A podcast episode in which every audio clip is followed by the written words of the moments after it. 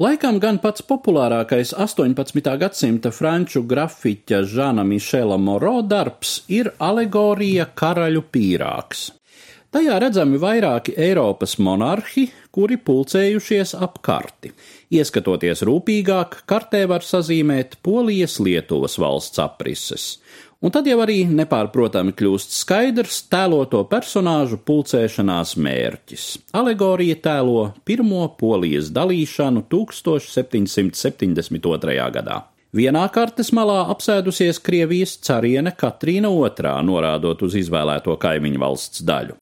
Ar zobenu savu tiesu kartē rāda Prūsijas karalis Friedrichs Lielais. Tā kā drusku kaunīgi novērsies, tomēr pirkstu no kartes nostvis neņem arī Austrijas imperators Jozefs II. Visbeidzot, ceturtais pie kartes - Polijas karalis Staņislavs Poņetovskis ar izmisuma grimasi sejā un pūlēdamies noturēt vietā kroni, kurš nepārprotami sašķobījies uz viņa galvas. Virs četrotnes, bazūnes pūzdams, lidinās miera eņģelis un tā nav gluži tikai ironija. 18. gadsimta Eiropā šis process, kas ļāva imperatoriem atrisināt situāciju, pie tam izvairoties no asiņainas attiecību kārtošanas, tika uzskatīts par diplomātisku sasniegumu. Kad tas notika uz vājākas kaimiņu valsts rēķina, tolaik nevienu īpaši nemulsināja, jeb, kā mēdz teikt mūsdienās, tas atbilda tā laika starptautisko attiecību normām. Vēl 17. gadsimta otrajā pusē Polijas-Lietuvas savienība bija lielvalsts, ar kuras militāro spēku rēķinājās visi kaimiņi. Tomēr valstī jau brieda iekšējas pretrunas, kuras 18. gadsimtā veikli izmantoja kaimiņu valsts Krievija un pamazām padarīja Poliju par savu protektorātu. Galu galā Sanktpēterburgas galma ietekme Varšavā kļuva tik liela, ka cariene Katrīna faktiski varēja iecelt kaimiņu valsts tronī savu bijušo mīļāko Paņatovski.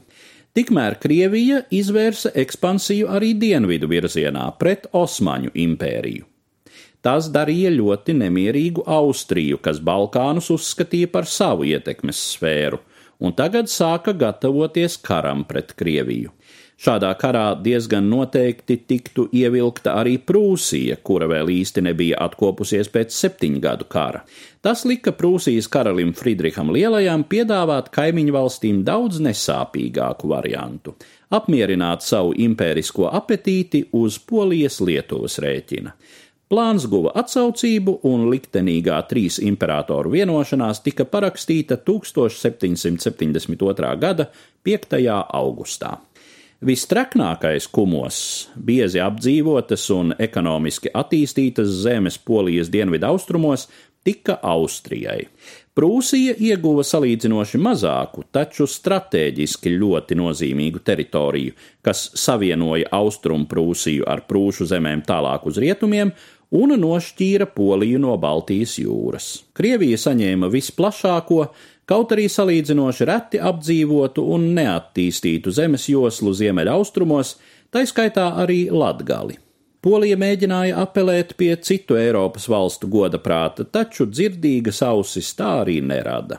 Galu galā Krievu diplomātiem gandrīz atklāti uzpērkot Seima deputātus un tāpat laikā draudot nepakļāvības gadījumā nopostīt Varšavu līdz pamatiem, Polijas likumdevēji apstiprināja savas valsts teritoriālo apcirpšanu par apmēram trešdaļu. Ar šo pirmo polijas dalīšanu, protams, nekas nebeidzās. Tai sekoja vēl divas, kuru rezultātā Polija un Lietuva uz vairāk nekā simts gadiem pazuda no Eiropas kartes. Stāstīja Eduards Liniņš.